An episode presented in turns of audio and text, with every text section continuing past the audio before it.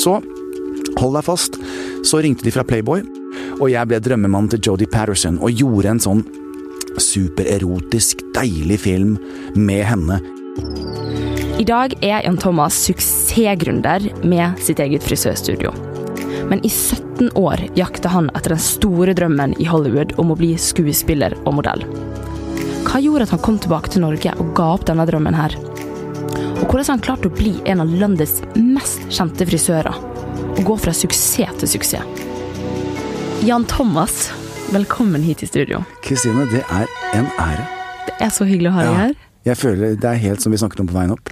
Jeg vet ikke, du bare kom inn i mitt liv sånn, og så, men så, og så har du liksom bare Ja, vi har kjent hverandre i noen andre liv, jeg vet ikke hva det er. Vi traff hverandre første gang i 2016, Jeg vet. og vi har ikke hengt sammen en eneste gang. nei. Jeg føler jeg kjenner deg. Like måte. Hvordan er livet om dagen, Jan Thomas? Hektisk. Veldig hektisk, og veldig gøy. Eh, og brått, i små, veldig små øyeblikk heldigvis, så eh, blir jeg eh, Lillian fra Skien og klyper meg i armen og tenker herregud, altså hva Hæ? Hvordan skjedde dette? Jeg, eh, jeg tror virkelig på at livet ditt er hektisk, for når vi skulle booke deg inn her, eh, så var det sånn å gud. Jeg reiser da, er hjemme da, og jeg har tid bare eh, akkurat den datoen. Det er helt klokkeslettet. Og det er nå. Ja, Utrolig takknemlig for det. og her er vi. Ja, men du, Så gøy. Jeg er jo en podkast-jomfru. Jeg er ikke jomfru i andre aspekter, men podkast-jomfru er jeg. Jeg har aldri hørt på en podkast. Eh, og, Har du aldri hørt på en podkast? Aldri hørt, ikke Nei, nei, nei. Jeg har aldri hørt på en podkast. Eh, og den, den eh, Jeg startet jo med noe jeg ikke visste var en podkast. Det var gjestet eh, Radioresepsjonen. Mm. Veldig gøy, men jeg trodde det var et radiointervju, så jeg forsto ikke hva det var. Oh, ja. Så det var gøy. Og så har jeg eh, gjort én annen, så gjør jeg selvfølgelig med Einar hver uke. Eh, Og dere er jo en, altså, en av Norges aller største podkaster. ja, det er veldig gøy. Det er, så, det er også et lite eventyr. Det er, hadde jeg ikke sett komme. Eh, og så er jeg her hos deg. Eh, og dette ville jeg absolutt eh, For jeg, du vet, i livene våre så, så Det er så mye som skjer hele tiden. Eh, og det er så mye som får fokus. Men eh, når jeg skjønte sånn ordentlig hva du drev med, eh, og, og, og skjønte hva, hva greia var, så jeg vet du hva, dette har jeg behov for å snakke om også. Dette vil jeg virkelig dele med folk, og jeg vil dele det med deg. Og så vil jeg også sette litt fokus på det er jo, Dette er jo grunnen til at jeg er alt annet. Mm. Dette er det grunnleggende. Dette er mitt DNA. Det vi skal snakke om i dag. Mm. Og, og det, det vil man prioritere, da. Og så digger jeg å henge med deg.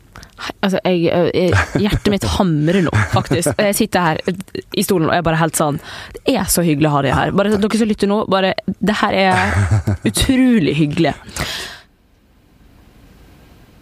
Jan Thomas, du er hårstylist, makeupartist, stylist, designer, programleder, forfatter, tidligere modell og skuespiller. Hva slags titlene er det du kjenner deg best igjen i? Oi, hvem eh, un, Jeg pleier alltid å si sånn under Gründer, kanskje? Eller stylist. Mm. Ja, Jeg er gründer. det, ja, gründer. Ja? Eh, det er litt sånn eh, Når jeg kommer til USA, og så eh, kommer jeg til immigrasjonen, og så ser de på passet, så sier de sånn eh, So what do you do? Um, well, I run my own business, sier jeg da. What is your business? Sier de. Det er litt sånn småfrekt. Så sier jeg Mm. You're looking at it. Og da ler de. For det er litt sånn amerikansk. You're looking at it. You're looking at it. For det er jo litt det det er. Jeg er jo min egen business. Men ok, Jan Thomas, 18 år gammel, så pakker du kofferten din. Ja. eh, Du forlater Skien, eh, hjemstedet ditt, Mm. og så drar du til Hollywood. Ja. Eller Oslo, fordi at jeg gjorde meg ferdig på ungdomsskolen, sånn delvis, en, eh, og dro rett inn til Oslo og begynte som frisørlærling der på Adam og Eva. Eh, Der var jeg vel et lite år. Så Mm. det var eh, januar eh, 1986, tror jeg, hvis ikke det er helt feil. Eh, så satte jeg kursen for Hollywood. Da hadde jeg jobbet som modell i utlandet. Både jeg har vært i Paris og jeg hadde vært i eh, Tyskland. Så det var ikke helt nytt for deg? Nei, ikke modelljobbingen. Men det jeg hørte, da eh, Dette her kan du, kan du helt sikkert eh, eh, Har du erfaring med selv? Eh, når folk ser på deg, så, så definerer de litt hvilket look du har. Ja. Ja, ok, Så jeg var vel jeg, Uansett hvor jeg dro uh, Oh my god, you're so American. Oh, you're so American. Uh, they love you in Hollywood. You should go to Hollywood. Og du kan ikke si det til en drømmer på 18, 17, 18, 16, 17, 18. Jeg tenkte, alt jeg så for meg, jeg fikk jo stjerner til øynene mine. Så jeg, uh, for jeg var ikke kul nok. Jeg var ikke tynn og rar nok for London. Ja. Paris, eh, nja da. Men, men Hollywood you know, de ringte, da. Og de, Mm. de banket på døra mi. Og da tenkte jeg det som enhver mann med respekt for seg selv. Pakk kofferten din død, JT, og så drar du dit. Og det gjorde jeg faktisk. Men altså, når du da kommer til Hollywood, Mm. hva er, og du- er framme, hva er det første du gjør for Første å starte på å jakte på LA-drømmen? Altså, jeg var world dominance. Det er kort oppsummert. Jeg skulle til Hollywood for å bli verdens største stjerne. Og det var ikke noe jeg tenkte at jeg skulle bli, jeg skulle det. Så det eide ikke frykt. her. og, og jeg må tegne et visuelt bilde for deg, Kristine. Jeg, altså, Please, gjør det. jeg lander på flyplassen, går av flyet. Jeg har da på, på meg altså en eh, brune, syltrange skinnbukser som er høye på livet med et gigasvært belte. Over der har jeg en gjennomsiktig strikkegenser som henger av den ene skulderen. Og så har jeg skyhøye røde ridestøvler og langt hår, sånn som du har nå. Litt sånn Tina Turner med bustete. Kom altså til Hollywood, kort oppsummert. Og hvis jeg skal eh, sette de 20-årene i perspektiv jeg, det, Hva jeg visste, var at det, det var interesse fra modellbyråer. Eh, så i, i løpet av veldig, veldig kort tid eh, så eh, fikk jeg etablert meg med et modellbyrå. Alle sa det samme. Eh, du er veldig vakker. Men du er altfor tynn, du må begynne å trene. Klippe håret ditt kort, noe jeg måtte gjøre. Eh, eh, og så presenterte de meg med de mulighetene jeg hadde, og så gikk jeg på audition for en av verdens beste skuespillerskoler, som het Stella Adler, og der kom jeg inn. Så jeg begynte da å studere eh, acting. Hvor lenge gikk du der? Seks år. Oi, det er lenge. Ja, ganske lenge. Så, eh, så du går rett på egentlig en Ja. skuespillerskole? Riktig. Og for å kunne betale for den, så jobbet jeg som modell, eh, og prøvde å få det, det til å fungere, da. Og da lærte jeg jo veldig fort det der at ok, Jan.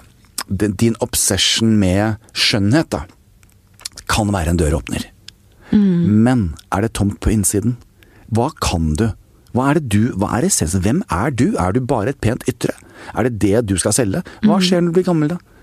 Så jeg begynte vel allerede å gruble litt. Ok, jeg kan klippe hår. Jeg har gått på skole. Jeg er en utdannet frisør.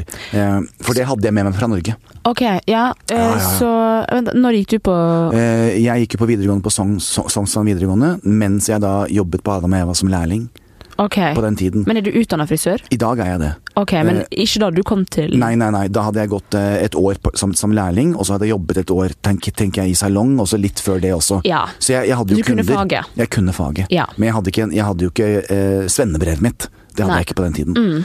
Eh, men allikevel eh, så, så, så de første årene gikk jo primært til å løpe på casting eh, for å få modelljobber og, og skuespillerjobber, og fikk jo som de fleste nesten ingen jobber, for det er tøft. Mm. Eh, men nok til å få ting til å gå rundt, da. Hva var den første jobben din i, når du kom til LA?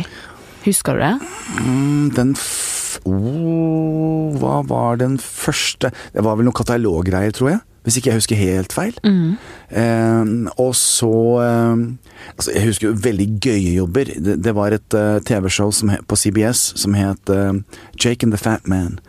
Uh, og det gikk på norsk TV også, i hele verden. Og der fikk jeg da en, en rolle når jeg bodde på Hawaii, for jeg flyttet ned dit en stund også. Ja da, Wow. og var i Japan og jobbet, og reiste litt rundt ut fra USA. Men, men i de årene jeg var der, så så gikk jeg litt, litt fra det der at hele fokuset lå på meg, hvem jeg var og modellkarriere og skulle bli skuespiller. Men så hadde jeg ikke Alle har jo et eller annet talent. Det er det jeg mener vi skal søke etter når vi er liten. Hva er det vi, er det vi Har du noe grunnleggende? Noe du virkelig kan? Jeg hadde noe, Kristine. Jeg hadde en evne til å se mennesker. Jeg hadde en evne til å få deg til å føle deg fin. Eh, og jeg var faktisk veldig flink lenge før jeg lærte meg det ordentlig. Eh, og faktisk gjøre makeup og hår og dille og dalle med dette her. Dette kunne jeg fra barndommen. Um, så jeg begynte jo da sakte, men sikkert også å utvikle og jobbe litt med dette her på si. Og så kom det en telefon en dag. Da, da gikk jo karrieren min bra. Jeg jobbet ganske mye og hadde det veldig fint. Som modell, da? Ja. ja ok. Ja, og de ytterst få skuespillerjobbene jeg fikk. Men, eh, men allikevel, jeg levde jo drømmen min. Eh, og trente og levde jo og, og det som jeg ville da si, det var jo at det rare, det var at i LA dette, Har du vært i LA, Kristin? Ja. Ja. Bare én gang. Ja. Mm. Må jeg passe på ord... Nei, jeg trenger ikke ordlegge meg riktig. Jeg sier det som det er. Du, Si det som det er. Ja. Alle vet at du er verdens beste mann uansett. Sånn. Sånn. Men i USA, så, i LA, så er utseendet ekstremt viktig. Mm. Eh, og utseendet gir deg en kjendisfaktor. Utseendet åpner ekstremt mange dører.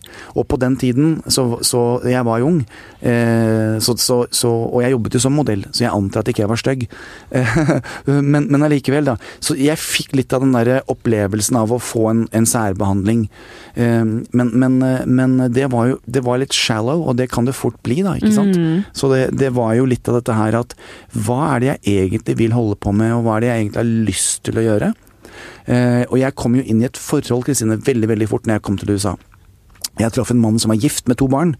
Eh, Gjorde du? ja, ja, ja. Det visste ikke jeg. Eh, Heterofil mann som var gift med to barn, eh, som eh, da Da, da må han blitt, bifilla. ja, ja, eller hva han var. Ja, ja, eller at han har gått og båret på det inni seg. Så han var veldig mye eldre enn meg. Eh, investment banker, eh, styrtrik, og bodde i Brentwood i en svær mansion. Eh, så det var jo sånn, ja, du vet. Å, jeg skulle ønske at jeg hadde levd det her livet her, skjønner du. Ja. Ok, fortsett. Ja, ja, ja. Og jeg er forelsket, hodestups forelsket, ikke sant. Og da bodde jeg jo på Hawaii, hvor det, det var der jeg traff han først. Og så eh, hadde vi en helt absurd situasjon hvor jeg fløy fra Hawaii til eh, LA, og han droppet av kone og barn i Departure, så sendte de hjem til familien, og så hadde vi helgen sammen. Kristin, jeg var ung, jeg var forelsket, og han var en drømmemann, ikke sant. Eh, og dette utviklet seg, og eh, Men han dere holdt det skjult, da? For, ja, da gjorde vi det. Eh, en veldig, veldig kort stund, og så tok forelskelsen overhånd, og, og vi ble jo da offisielt sammen, og så som historien gikk, eh, flyttet sammen, og så fikk vi jo full custody over guttene hans. Så det vil si at fordi moren ville flytte Full custody? ut Ja, de, mm, de bodde hos oss. Ja, okay. Så vi ble, vi, vi ble, jeg, ble, en- jeg ble jo pappa i en alder av 21. Ok, ja, for det, jeg skulle til å spørre, Var du 21 år på den tida? Ja, jeg- ish hva jeg vil tro at jeg var da. 21-22. Wow! Mm. Så jeg var jo bare barnet selv. Men, eh, eller ungdom, da. Og han her var styrtrik? Ja. Og jeg har så lyst til å å, bli sammen med. Jeg også. FYI. Det sier jeg i dag som singel. Altså, ikke gift deg med meg, fordi eh, hvis du tror du skal få prinsen og halve kongeriket Halve kongeriket har jeg, har jeg allerede gitt bort til Kristoffer, så bring it, baby, bring it. Ja, ja, ja. Nei, nei. Så vi flyttet sammen og eh, fikk oss et eh, kjempeflott hus og barna våre, ikke sant. Eh, vi levde sammen, da. Og så kommer Jim, som han het, kom hjem en dag, så sier han du, jenta di har eh, eh, dette, dette makeup-merket i People Magazine, som jeg elsket å le lese. da. Mhm. Eh, så sier han det at du, dette makeup-merket, et rart makeup-merke, eh, eh, har laget en eh, serie, skal inn i et samarbeid med jenta di, eh, kjæresten din. Og da var det selvfølgelig Madonna han snakket om. så, for jeg forgudet jo henne på den tiden også. Okay, wow. Og da hadde jeg ikke truffet henne i det hele tatt, så da kjente jeg henne ikke. Uh, og det var da dette makeup-merket fra Canada som het Mac. Og I know.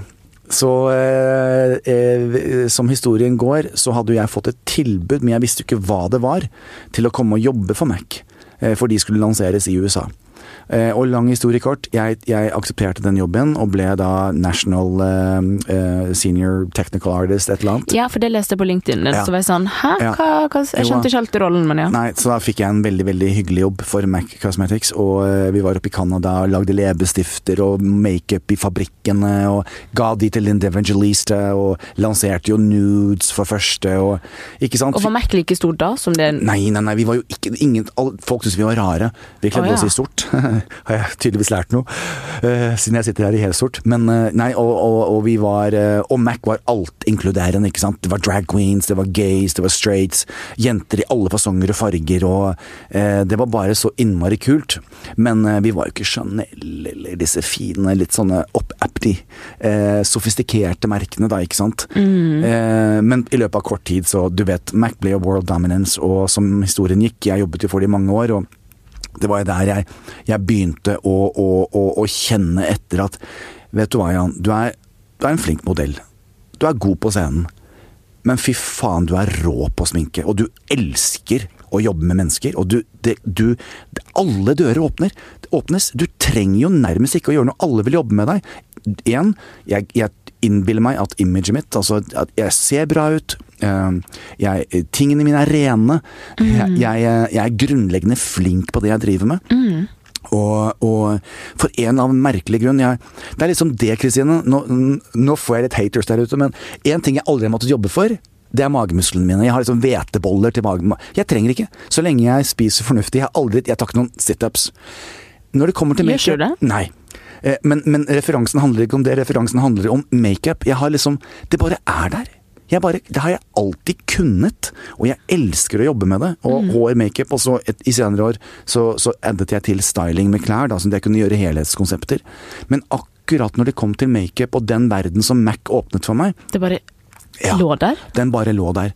Og så var det et sånt øyeblikk Hvis jeg skulle Det det er vanskelig for meg å dra fram høydepunkt i livet mitt, men, men, men akkurat der og da så var timingen riktig. Eh, med tanke på hvor vi var, og hvordan vi pos pos posisjonerte oss. Um, alle Vi åpnet da en butikk i West Hollywood. Et, ikke mye større enn dette studioet her. Uh, litt, men ikke mye. Ok, Og det her er et lite studio vi sitter i. Ja, ja. ja. Uh, 30, 20, 20 kvadrat. 30. Ja, det var kanskje La oss på en god dag si at det var dobbelt så stort, men ikke noe mer. Mm. Uh, og fra dag én så sto alle der. Chrissy Turlington, Linda Evangelista, eh, Madonna Chrissy Turlington, eh, oh my God, Alle sammen. Diana Ross. Vi hadde alle supermodellene. Alle A-listers. Elizabeth Taylor. Alle, alle, alle. alle, alle. Eh, Janet Jackson. Eh, så det åpnet jo alle disse dørene for meg. Eh, hele Melrose Place kom etter hvert. Um, eh, eh, Beverly Hills 90210. Så vi ble jo liksom det it-merket av dim- Så vi var jo Vi ble jo superstjerner, vi som jobbet der. Så du var egentlig med å dra i gang hele Mac? He helt riktig. Jeg var med fra dag én i USA. Eh, og det var en fantastisk reise, og fy søren, altså. Eh, de åpnet mange, mange dører for meg, eh, og ga meg et arsenal eh, av, eh, av kunder, eh, og evnen, da. Muligheten til å kunne, kunne få lov å gjøre det. Og da plutselig begynte jeg mm, Vent nå litt. Ok. Så eh, du har eh, eh, Skuespillerutdannelsen din har hjulpet deg til å kunne gå inn og ta et rom. Du er veld, blitt veldig flink å snakke for deg selv. Og det takker du den for? Den Absolutt. utdanninga? Ja, ja, ja. Eh, voice control. Eh, jeg lærte meg jo flytende amerikansk, eh, som var veldig, veldig viktig. Eh, så så um, den evnen til å kunne selge meg selv, det ble jeg uforskammet flink til. Men så hadde jeg faget i, i, i lomma. Jeg kunne noe. Eh, og, og da kombinere de to tingene, og i USA hvor folk er så opptatt av image, så, så, eh, så, så var det den kombinasjonen da en veldig, veldig fin døråpner. Ok, så eh, Mac blir en suksess, og Ja. du, du begynner å forstå okay, ja. hva du kan. Hvor fortsetter du videre her? Er det her du begynner å gjøre makeup-jobber? Er det her du begynner å gjøre stylistjobber? Helt riktig. Så da begynner jeg sånn Når jeg da var på modelljobb, så sier jeg det at eh, Men jeg er også hår- og makeupartist og stylist, så hvis dere har noen jobber, her er boken min. Så begynte jeg å jobbe på boken min. ikke sant? Jeg sminket alle modellvenninnene mine og modellkompisene mine, og gjorde gratis tester. Jeg jobbet jo døgnet rundt for å bygge opp portefolioet mitt, for å vise hva jeg kunne. Men du vet det, Kristin, at jeg sto på Mac hver dag. Og der kom jo sånne som deg inn. Den dagens Kristine Ullebø. ikke sant? Og så hadde vi en sånn match, og så ble vi bestiser. Og så stakk vi på kjendisfester, og så var vi på Playboy Mansion. Så det var bare sånn, det var en Guds gave. Ikke? Og du kunne ikke være uten meg, for det var jeg som fikk deg til å se ut som deg. Så, så, det, var, ja, så det var en sånn derre eh, Det var jo et eventyr for en, for en liten norsk gutt fra Skien. Og du styla jo stjerner som Scarlett Johansson, eh, Sharon Stone. Hvordan Ja. var det? Altså det, det var det, Hvordan var det? For meg så var jo det hverdagen min, da. Så det var jo det jeg drev med. Vi hadde jo de samme store legendene på den tiden også. Eh, men, eh, men den tidens eh, deg, da. Influensere og de kule kidsa i byen. Tori Spelling, alle de fra Beverly Hills 90210, Melrose Place var jo superhot. Baywatch, Pamela Anderson. Alle disse her kommer jo til oss. Janet Jackson var jo stor og hot på den tiden. Dette er jo Noen av navnene har du hørt om, tror jeg. Håper jeg. Ja, Janet Jackson vet jeg Ja. så klart hvem er. Ja. Herregud, jeg ser alt for meg nå. Ja, ja. Men eh, jeg bare spør, for på Wikipedia så står det at du har spilt i en uh, homoerotisk Ja, film. ja og det er, det er jeg veldig glad for at du spør om. Ja, kan du være snill å utdype? Ja, ja, ja. Jeg, jeg skal prøve å gjøre det her så kort som mulig. Uh, må, for, å, for å kunne eh, sette det perspektiv, så må jeg fortelle hvor jeg var i hodet mitt. Mm. Eh, Jeg, På den tiden så ble jeg veldig suksessfull som hår- og makeupartist. Mm. Eh, Det er jo da definis, Definisjonen av det er jo en, en det, det folk forbinder med det, er jo en gay mann. Eh, Jeg var også skuespiller og drev som modell. Så jeg hadde gått inn og jeg hadde fått en kjempeaudition for en stor såpeopera. Som jeg gikk og leste for. Jeg skulle spille en britisk lege. Og du vet, du bare går inn, og så bare nailer du auditionen din. Bare, og han var sånn, you know, I'll call you next week, this is great, leading man, bla, bla, bla. Så kommer jeg ut, sånn som type her, går ut av kontoret, ned i gangen, så kommer det en dame og en mann langt der nede, hvor hun skriker sånn Oh my god, Jan! God, I love the makeup you did on me last week. It was beautiful. And your boyfriend, he was so cute. Oh my god. Og jeg bare så rullegardina gikk ned hos han som skulle kaste meg. Nei. Min leading man, gay og makeupartist. Are you fucking kidding me? Så du har egentlig drevet og dratt på masse auditions Ja. som både modell og skuespiller, og lata som at Ja, ja. du er Ja, ja, jeg fikk beskjed om det. Lyv om navnet ditt, lyv om alderen din, lyv om uh, seksualiteten din. For guds skyld, lyv om seksualiteten din. Så på den tiden er det mye å gå og bære på. Eh, så, Jeg så kan ikke det, se for meg heller hvordan det er. nei, for du kan ikke det. Men det var hverdagen. eh, act like this, do like that. Eh, og på det tidspunktet, da gikk jo min rullegardin ned. Og da tok jeg faktisk alt stylingutstyret mitt, alle makeupkostene mine, alt jeg eide, det som var grunnlaget for alt jeg gjorde, ga det til en kompis av meg, så jeg aldri refererte meg som en, som en makeupartist eller hårstylist igjen. Aldri. Fra og med nå så er jeg modell og skuespiller. Og du vet, alle rundt meg sa er du gal? Du er på toppen av karrieren din, du har liksom det verste All the A-listers. Det her kan du, sa men det nytter jo ikke. Hva, hva gikk gjennom hodet ditt? Hva, var, hva skjedde her? Jeg, eh, jeg, jeg inns- Drømmen min var jo alltid, trodde jeg jo da, å bli kun modell og skuespiller. Og så følte du at Ja. makeup-greia hadde kommet i veien Ja. fordi det avslørte Ja. Vet du hva, Kristin, det er helt forferdelig å sitte og si det, men jeg syns ikke det Jeg, følte, jeg var ikke stolt av, av det i det hele tatt. Jeg, var, jeg, jeg skammet meg så fælt. Og jeg bare, hvis noen refererte Oh, this is my friend JT, you know, he's a makeup Jeg var sånn Ikke si makeupartist. Eh, men, men det hadde jo med omgivelsene å gjøre. Så i det øyeblikket så stupet jeg ut eh, til agenten min, og alle sa nå er det Nå har jeg sluttet med alt. Nå er det bare JT skuespiller. Nå er det det jeg driver med. Eh, og det er det jeg vil rendyrke. Eh, og da fikk jeg jo masse rare auditioner. Kom, jobbene kom ikke. Det er vanskelig. Det er kjempevanskelig. Det Ja. handler ikke om at ikke du er flink nok. Det handler om at de beste av de beste og de flotteste av de flotteste i hele verden kommer til LA for å klare det. Det er ekstremt tøft. Så man fikk jo noen strøjobber her og der. Så hold deg fast. Så ringte de fra Playboy, og så fikk jeg Kim Kimberly Hefner, som var da ekskonen til Hugh Hefner. En god venninne av meg. Så jeg jobbet mye med henne. Jeg var hele tiden oppe på, på Playboy Mansion og jobbet med, med disse bandene. Så du kjente til deg Ja, ja, ja. Ok. Så Kimberly sier til meg, du Jan, uh, you're gorgeous and sexy. Det skal være en stor audition i dag. Uh, det er flere hundre menn som kommer, Uh, og vi skal lage en sånn erotisk deilig film for Playmate of the Year, som heter Jodie Patterson. Hun har da blitt Playmate of the Year, og vi skal lage en sånn film hvor drømmemannen hennes, hun har plukket sin drømmemann. Da sier jeg, men oh my god, sier jeg til Kimberly, jeg er jo gay, liksom. Det er jo, sier, don't tell him, don't tell him. Så jeg stakk på audition, lang historie kort, jeg fikk rollen. Banket eh, hele gjengen, og jeg ble drømmemannen til Jodie Patterson, og gjorde en sånn supererotisk, deilig film med henne. Ikke noe sex, ikke noe porno. Jeg hadde jo sokk på tissen min, du så aldri noen ting. Men du som satt og så på Den filmen, du kan jo se på den selv, den finnes på Jeg har sett Men heter ikke den Mo Nei, det er den andre. Det er den som er gøy. Dette er, dette er den heterofile. Okay. Ja, så nå elsker jeg med en dame. Så nå er jeg drømmemannen til denne Jodie Patterson. Men Den kom først. Men ok, og du har spilt i flere. Men ok, for du spiller, eh, spiller mann to her Ja. dama, Ja. eh, må du da hele under sett, innspilling og sett late som at du Ja. er uh, hetero? Ja, ja, selvfølgelig. Ja. Ja, men hæ? Så jeg gjorde den filmen, og så kom mitt management til meg, og da ble jo gay-communityen rasende, ikke sant, som de alltid blir. Eh, som jeg sier ofte, gay people are their own worst enemy. Ja, kom igjen, og du er gay, og hvorfor gjorde du den filmen? Og hvis du gjorde den filmen, eh, hvorfor kan du ikke også gjøre en gay erotic film? Og da kom det et firma til meg på den tiden som ga meg en enorm mulighet. Eh, De ville ha meg som spokesmodel for en hudpleieserie, for, for parfyme. Jeg fikk en six movie deal. Filmer som kan minne om Brokeback Mountain. Men Den, den har jeg ikke sett. Nei. Eh, fordi jeg tror noen av de som lytter, nå vet ikke om de er veldig veldig unge, men Brokeback Mountain er en den, den, Se den. Ok, jeg skal se Just den sjøl. Ja, mm. gjør det. Og dere som lytter, om å gjøre det. Ja, Eller hvis vi ikke har eh, gjort det allerede. Eh, Så, så, men, sa de, vi har en film som heter Mojave, som handler om den karakteren som har gitt opp eh, troen på sex og sensualitet. Det er en erotisk, gay-oriented film. Eh, Det er ikke en pornofilm, det er ingen uh, harde peniser og penetration og noen ting, men, men det er noe nudity bakfra. Men det er primært din rolle som, som, uh, som hovedkarakteren er en reise gjennom en rekke karakterer for å, for å finne tilbake til gleden over sex, da, hvis du vil. Og den heter Mojay. Mo Mojave. Mojave Desert. Ok, Ja. flaut Ja. der. Ja. Ja. Men ok, ja, for jeg har sett coveret. Jeg prøvde å eh, finne ut hvor jeg kunne se filmen. Fant ikke.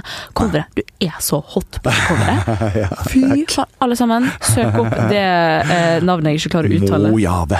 Altså Mojave heter det. Mojave. Ja, Mojave står det ute. Det er Mojave-ørkenen i, i California. Ja, men Eh, hallo, det ser jo Altså, Ja, ja, ja. Men du vet det, Kristine. Kom inn i mitt hode for to, for to sekunder, så tenker du her er gutten kommet fra Norge, her har jeg fått til det jeg har fått til. Oh my god. I LA så er det jo, det er jo ikke, det er jo ikke Du er jo ikke med på pornofilm. You are a fucking porn star. Altså, you're a star. Og det Mhm. er helt annerledes der, på den tiden. Nå var ikke jeg noe pornostjerne, for det, var ikke Denne filmen er ikke pornografisk. Nei. Mhm. Det vi ser på Ex on the Beach i dag, er jo mye verre, hvis du vil.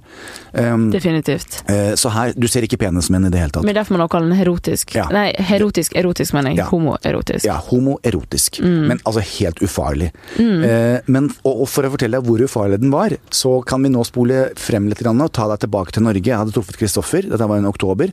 November, desember. Desember dro jeg til Miami. Eh, Kristoffer og jeg var fremdeles bare sånn, vi traff hverandre. Det var ikke noe Han var for ung, jeg tenkte nei, dette Så jeg dro da til Miami, ligger på stranden, telefonen ringer, det er agenten min, så sier han Jan, har du gjort en pornofilm? Har du spilt i en pornofilm? Så sa jeg, er du gæren? Det har jeg vel ikke gjort. Eh, er du helt sikker på det? Ja, sa jeg, det er jeg helt sikker på. Ja, fordi Dagbladet kommer til å kjøre en, en film, et klipp fra den, en film som heter Mojave, hvor det ser ut som du har analsex med en gutt. Så sa jeg nettopp, det ser det ut som jeg har. Eh, det, det har jeg absolutt ikke. Det er en erotisk film. Men husk, dette er mange, mange år siden.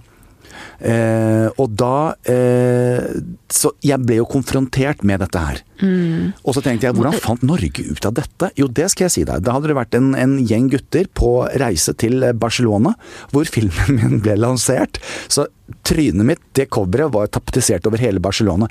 Så moral of the speech, du slipper aldri unna, Kristine. Your skeletons in the closet, de kommer frem på et eller annet tidspunkt. Eh, Men greia er, vet du, de kan ikke ta meg på det. VG kunne ikke ta meg på Fantomas.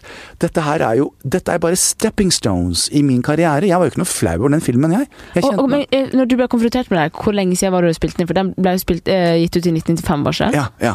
Og da var da, Den ble gitt ut i 1996, tror jeg. Jeg husker ikke.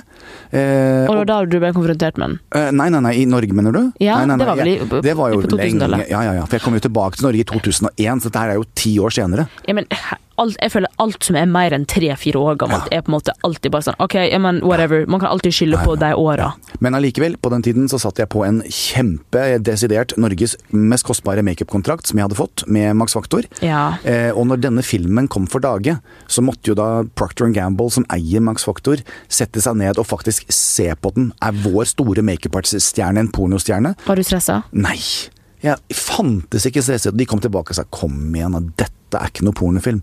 Sånn at det, det ble Men, men, men, men potensial Så jeg kunne jo Det er derfor jeg sier de valgene du tar i livet, de vil komme tilbake på et eller annet tidspunkt, Kristine, og bite deg i rumpa. Tenk på det du gjør, har konsekvenser senere i livet. Alle har ikke min ryggrad. Jeg kan sitte og se deg rett i øynene og si, vet du hva, når min film Mojave ble lansert i West Hollywood, jeg var, I'm- I was a fucking star! Altså, folk sto skulle ha autografen min. Skjønner du? Jeg tenkte oh my god, neste jeg skal gjøre nå, får jeg vel en Oscar. Ok, er det naivt? Ja, men så la det være naivt! Det er del av livet. Men, men poenget er jo da at eh, på den tiden, da, igjen kort digresjon før jeg dro til USA, glade 80-tall, det var dragkultur, gutter var gutter, jenter var jenter, og gutter var jenter, og om en annen, og frem og tilbake, ikke sant. Eh, Da drev jeg jo med dragshow, da kledde jeg meg ut og opptredde, eh, og Har du vært en drag queen? vært en jævla stor drag queen.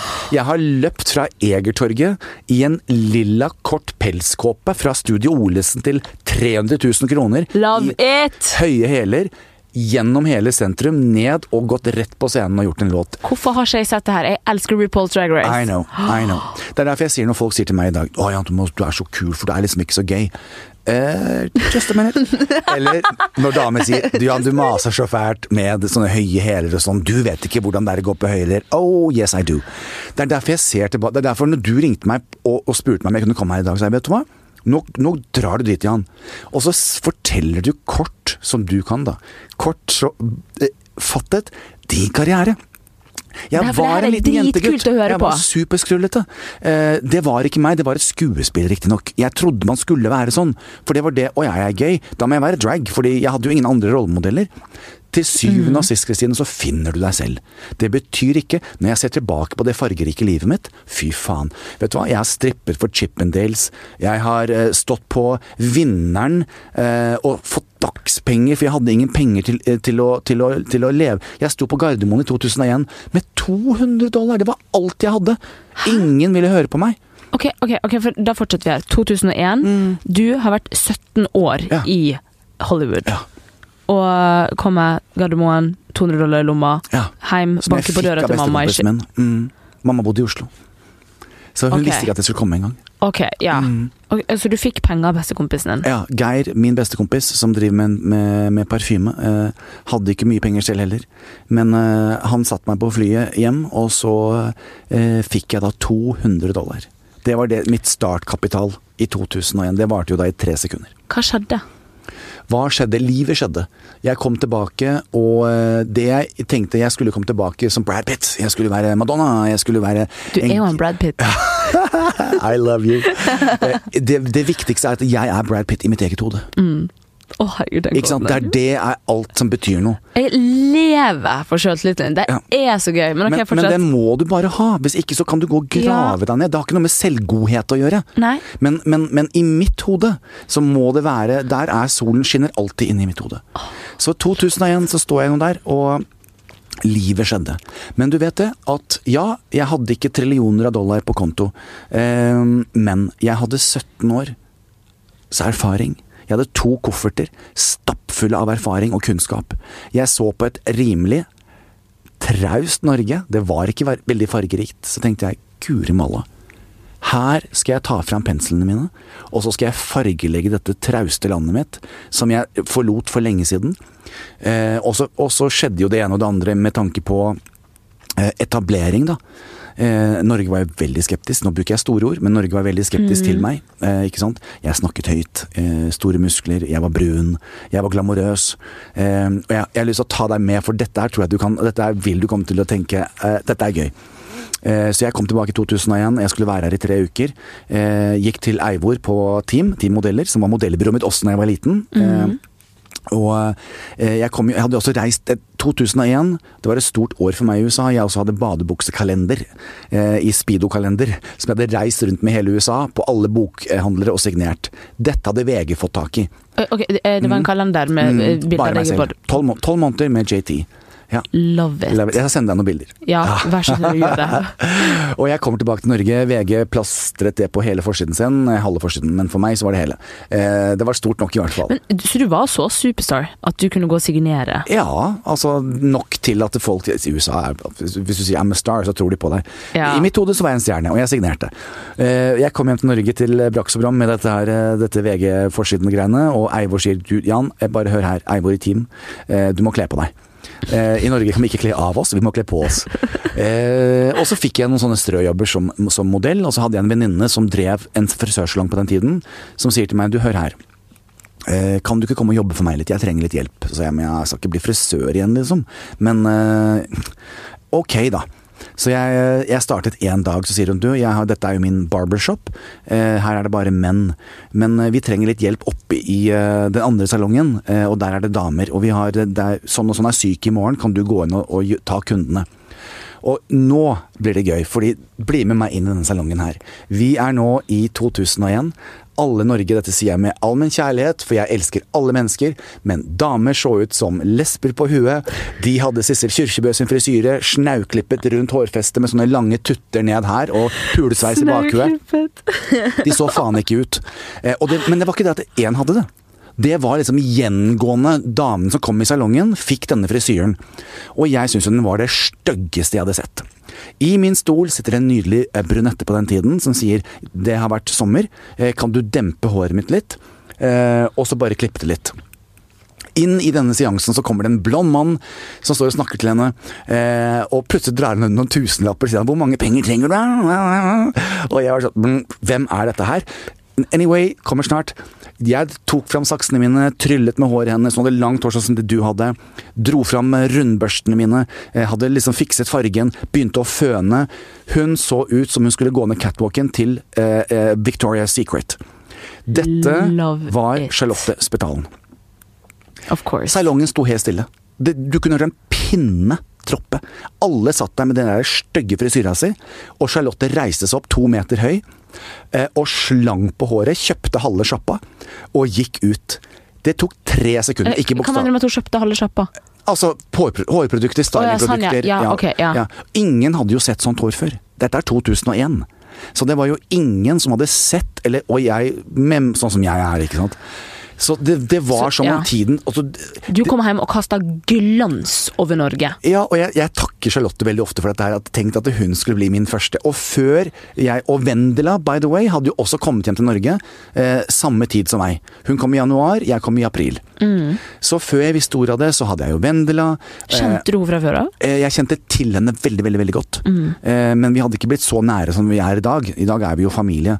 Så Charlotte og Vendela, det tok altså Det var tre sekunder senere så hadde jeg åtte måneders venteliste, og hadde absolutt alle som kunne krype og gå. Eh, for dette her hadde de jo fått med seg at det hadde kommet en mann til Norge fra USA som kunne glam, da. Og dette her var så gøy. Ja, dette var dritgøy. Og så eh, valgte min venninne å selge denne salongen. Jeg ble med henne til, til den andre salongen hun var på. Eh, og på det tidspunktet, og nå, dette er jo en karrierepod, så karrieremessig nå så er jeg på salongen. Jeg har klippet håret ditt. Jeg har da farget og gjort det jeg skal. For meg så er det behandlinger som utgjør en pris. Eh, jeg syns at det her var altfor billig. Og så solgte jeg da eh, i hvert fall to og tre av hvert produkt. Jeg hadde gjort en så god jobb at eh, kunden min satt å herregud, jeg må jo ha alt han har brukt, for dette her må jeg kunne gjenskape. Eh, når jeg da begynte å få en, en, en eh, åtte måneders venteliste, det er ikke god kundeservice. Og når vi da solgte salongen for at jeg skulle bli med videre, så fikk jeg et godt råd. Hør her, Jan. Eh, på dette tidspunktet her, så må du sette opp prisene dine. Ja, for, Før det her hadde du bare vanlige timespriser? Ja, ish. Men jeg, jeg, jeg, det ble litt mer fordi at jeg tok meg betalt for de tingene jeg gjorde. Mm. Jeg har aldri skammet meg over å ta meg godt betalt for yrket mitt. Nei. Og det er bra du sier. Ja. Frisører er nederst på rangstigen. Det er et tøft yrke. Eh, og det har alltid vært sånn hu og hast inn og ut, kort ved ørene og lengre bak.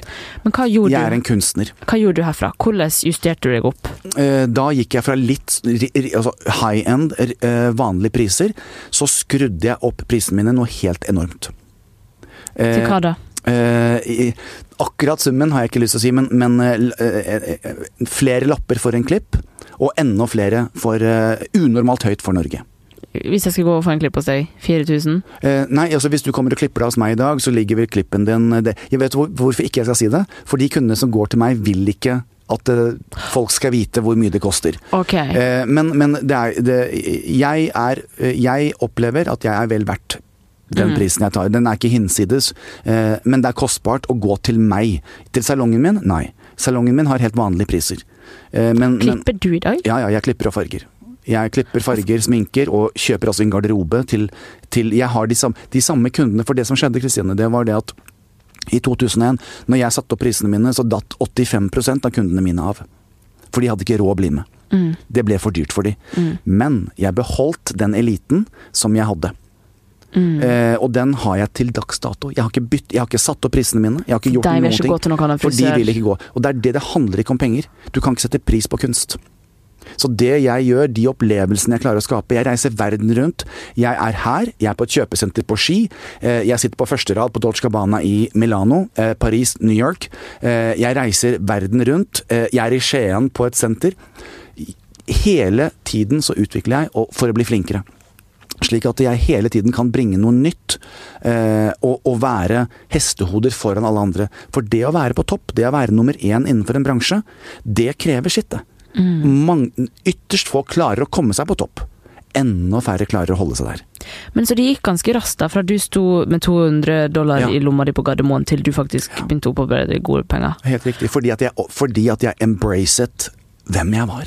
Mm. På den tiden så ble det plutselig en voldsom interesse for de som fikk stjernene til å skinne. behind the scenes. Makeupartister, makeupshow, Bli ny-show osv. Motepolitiet med Trenny og Susanna eh, var et fenomen som hadde gått. Eh, den, den, det var jo min aller første jobb. Med stylist Margrethe Gilbo, som jeg tror du kjenner. Nei. Til? Nei. Margrethe stylet kronprinsessen på den tiden. Hun var veldig, veldig okay. flink. Ja. Eh, Gjør du det i dag òg? Eh, nei, det gjør hun ikke. Eh, så så eh, eh, min første jobb på TV Norge, det var jo eh, Motepolitiet. Med Margrethe. Eh, vi ble lansert sammen med Homsepatruljen, så de fikk jo veldig mye presse, og vi fikk litt mindre. Men jeg klarte liksom å klore meg fast, da. Og så gikk det jo slag i slag med Top Model. Igjen handlet det om å være en ambassadør for disse jentene, og en, en, et ankerfeste. Eh, men samtidig så kunne jeg jo da hjelpe de. Jeg hadde årevis erfaring som skuespiller og modell selv. Eh, og så var jo Vendela da programleder for dette. Um, så jeg så at alle tingene, alle de leddene, og så gikk de da inn i Fra Hollywood til Parkveien, som var Norges første store eh, realityshow, typ Kardashians. Vi var jo de første, og det ble jo et ikonisk, eh, veldig morsomt show. Eh, og på dette showet så åpnet jeg Johan Thomas Studio, som nå har vært der i tolv år. Eh, 13 kanskje. Ja, for det var i 2008. ja, ja. Ehm, og, og, og i dette showet så det er, Et realityshow er jo nettopp det. Eh, der hadde jeg jo heller ingen filter. Eh, og det som skjedde, det skjedde, liksom. Eh, der var det der, En vakker dag så ringte jo VG meg og skulle vise meg noe for første gang, og da kom jo van Thomas, og så kom Kristoffer inn i livet mitt. Ja, for du har jo van Thomas. Altså, jeg husker at det så jeg når jeg gikk på barneskolen. ja. Jeg føler at du er blitt en helt annen person etter det. Nei, eller, du har alltid så liksom utrolig godt vært deg sjøl, da. Mm. Men jeg føler jo på en måte at jeg Det er jo en helt annen person, mm. eller med en helt annen tyngde, som sitter her i dag. Mm. Hvordan opplevde du van Thomas-perioden? Følte, følte du nesten at folk ledde litt av deg? Eh, Og jeg vil ikke si det, men skjønner du hva jeg mener? Eh, Du skal bare si det. Eh, De prøvde. Ja? Nytter ikke med JT, vet du. Nei? Nei, nei, nei. nei. Åh, De det. kom opp til meg og presenterte meg med noe som, eh, som potensial ville vil, en, en, en, en annen person kunne opplevd det som mobbing. Jeg så på første episode av Von Thomas, og så tenker jeg at eh, fy faen, dette er jævlig bra laget. Det er jo sjukt Det bra er jo sykt bra laget. Uh, selvfølgelig så skjønner jeg at Kristoffer ikke syntes det var så gøy. Syns ikke han det? Nei, han ble jo Altså, Kristoffer Kristoffer som var Kristoffer var den voksne i vårt forhold. Kristoffer var jo mannen som, som drev businessen, som tok alle bilder, som skrev alle foredragene mine. Som holdt i økonomien vår. Eh, Ja, han var 19 år, men han var jo 90. Altså, han, han var jo han, han var jo Det var jo han som holdt Men det skjønte jo ikke folk. Han ble jo fremstilt som et barn. Så var det et barn i vårt forhold, så var det jo meg, og ikke han. Så jeg satte meg ned og så på den, og da gikk jeg fra å være Og dette her er hva jeg mener. Dersom du går på full fart fremover i livet, uansett alder, og du er på jakt etter et eller annet, og du er så rask på labben at du ikke rekker å få med deg alt som skjer på veien. Det øyeblikket når VG kom til meg med Van Thomas, så så jeg på det. Da var jeg en vanlig kjent person. I løpet av et lite øyeblikk, det var mitt Oscar-øyeblikk, det var min store hit der og da, så det tok meg fra å være vanlig kjent til å bli en rockestjerne. Van Thomas. Det skjønte jeg. Så jeg melket det for hva det var verdt. Jeg hadde barnehager og barneskole. Jeg, jo jeg ble jo et, et, et landsomfattende Et fenomen. Ja, Alle. et fenomen. Mm. Istedenfor å oppleve det som mobbing, så brukte jeg det til å sette opp prisene mine. Markedsverdien min gikk opp. Eh, salongen min ble mer og mer populær.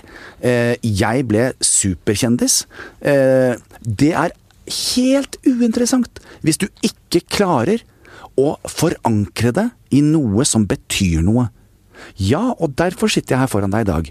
Jeg har et av Norges største beauty brands. Eh, Det ekspanderer nå. Vi er i fire land. Norge, Sverige, Danmark og, og Finland har Jan Thomas-brand i dag. Det er klart det at eh, alle disse eh, tingene som har skjedd i livet mitt Jeg lar ikke den muligheten gå. Eller passere, uten at jeg benytter meg av den og forvalter den så klokt som mulig. Og jeg gjør ikke alt riktig, Kristine, men, men, men, men det er litt viktig å tenke på at når jeg så det, så tenkte jeg hvordan kan det hvordan kan jeg komme meg et steg videre? Hvordan kan jeg bruke den populariteten? Og derfor sier jeg til alle unge som melder seg på alle mulige rare TV-show i dag Ok, dere skal ha det gøy, jeg forstår det. Jeg skjønner at det er en annen tid. Eh, men kan jeg bare få lov å si én ting til de der ute? Kan dere ikke tenke litt på hvorfor gjør jeg dette? Hva er meningen? For det å være kjent for å være kjent, det å få de fem minuttene på ditt lokale disko fordi at du har hatt en orgie i en seng, et eller annet Jeg er ikke sikker på at det er så jævlig kult senere i livet. Men hvis du har planlagt at den orgien i den senga den skal jeg faen meg bruke til min fordel. Jeg har en konkret plan på hvordan jeg skal gjøre dette her. Fordi jeg vil hit, men for å komme meg dit, så må, er det dette valget jeg tar. Sånn som jeg har tatt mine valg, og de var bevisste valg. Det er jo ikke sånn ja, nei, oi, hvilken, hvilken vei blåser vinden i dag? Og det er når, du, når disse mulighetene byr seg, så, så, så må du gripe dem.